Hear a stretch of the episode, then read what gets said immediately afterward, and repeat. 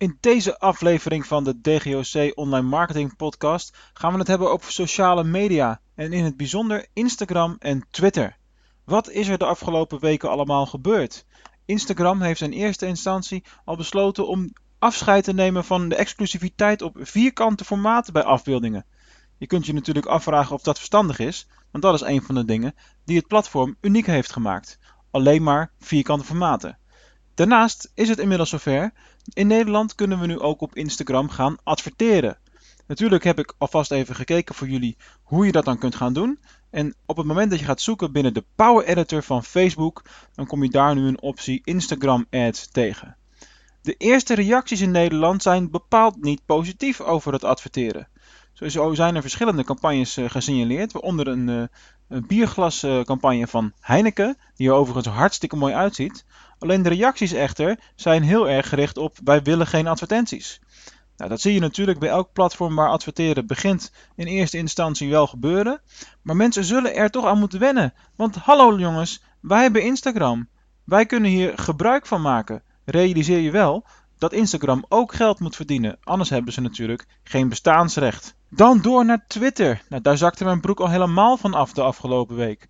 Ze willen namelijk afscheid nemen van het maximum aantal van 140 tekens in een tweet. Nou, daar moet je toch niet aan denken. Als er toch één eigenschap is van het platform Twitter die hun uniek heeft gemaakt, is het de laagdrempeligheid en de snelheid en de noodzaak om je boodschap binnen die 140 tekens te plaatsen. Dat is wat Twitter uniek maakt in mijn optiek. En dat is waarom het leuk is om door die Twitter stream heen te scrollen. En dat geldt voor heel veel mensen. Uh, ik heb er al een paar keer over getweet uiteraard. En de reacties waren eensgezind. Allemaal hadden ze dezelfde mening. Hoewel het natuurlijk toch altijd zo is dat die niet van verandering houden altijd sneller reageren als degenen die het toejuichen.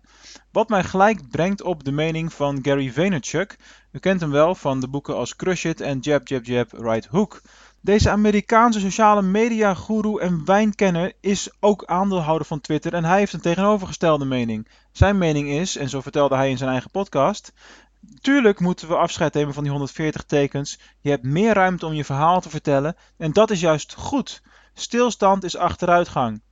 Daar kun je Gary natuurlijk weer geen ongelijk in geven, want het gaat niet goed met Twitter. De, de aantallen dagelijkse gebruikers zijn afgenomen. De tijd zal uiteindelijk uitwijzen of het wel of niet goed zal zijn voor Twitter als platform om afscheid te nemen van 140 tekens. Maar het eerste sentiment is toch: God, doe dit nou niet. Dit brengt mij tot de conclusie van deze korte podcast van deze woensdag. Namelijk, alles gaat veel te veel op elkaar lijken.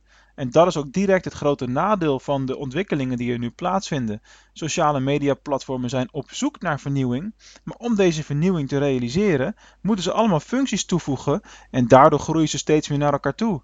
Je kunt op Instagram, op Twitter, op Facebook kun je, je video's kwijt. Je kunt straks op Twitter langere verhalen kwijt. Het zal waarschijnlijk niet lang meer duren voordat je ook links kunt gaan gebruiken binnen Instagram.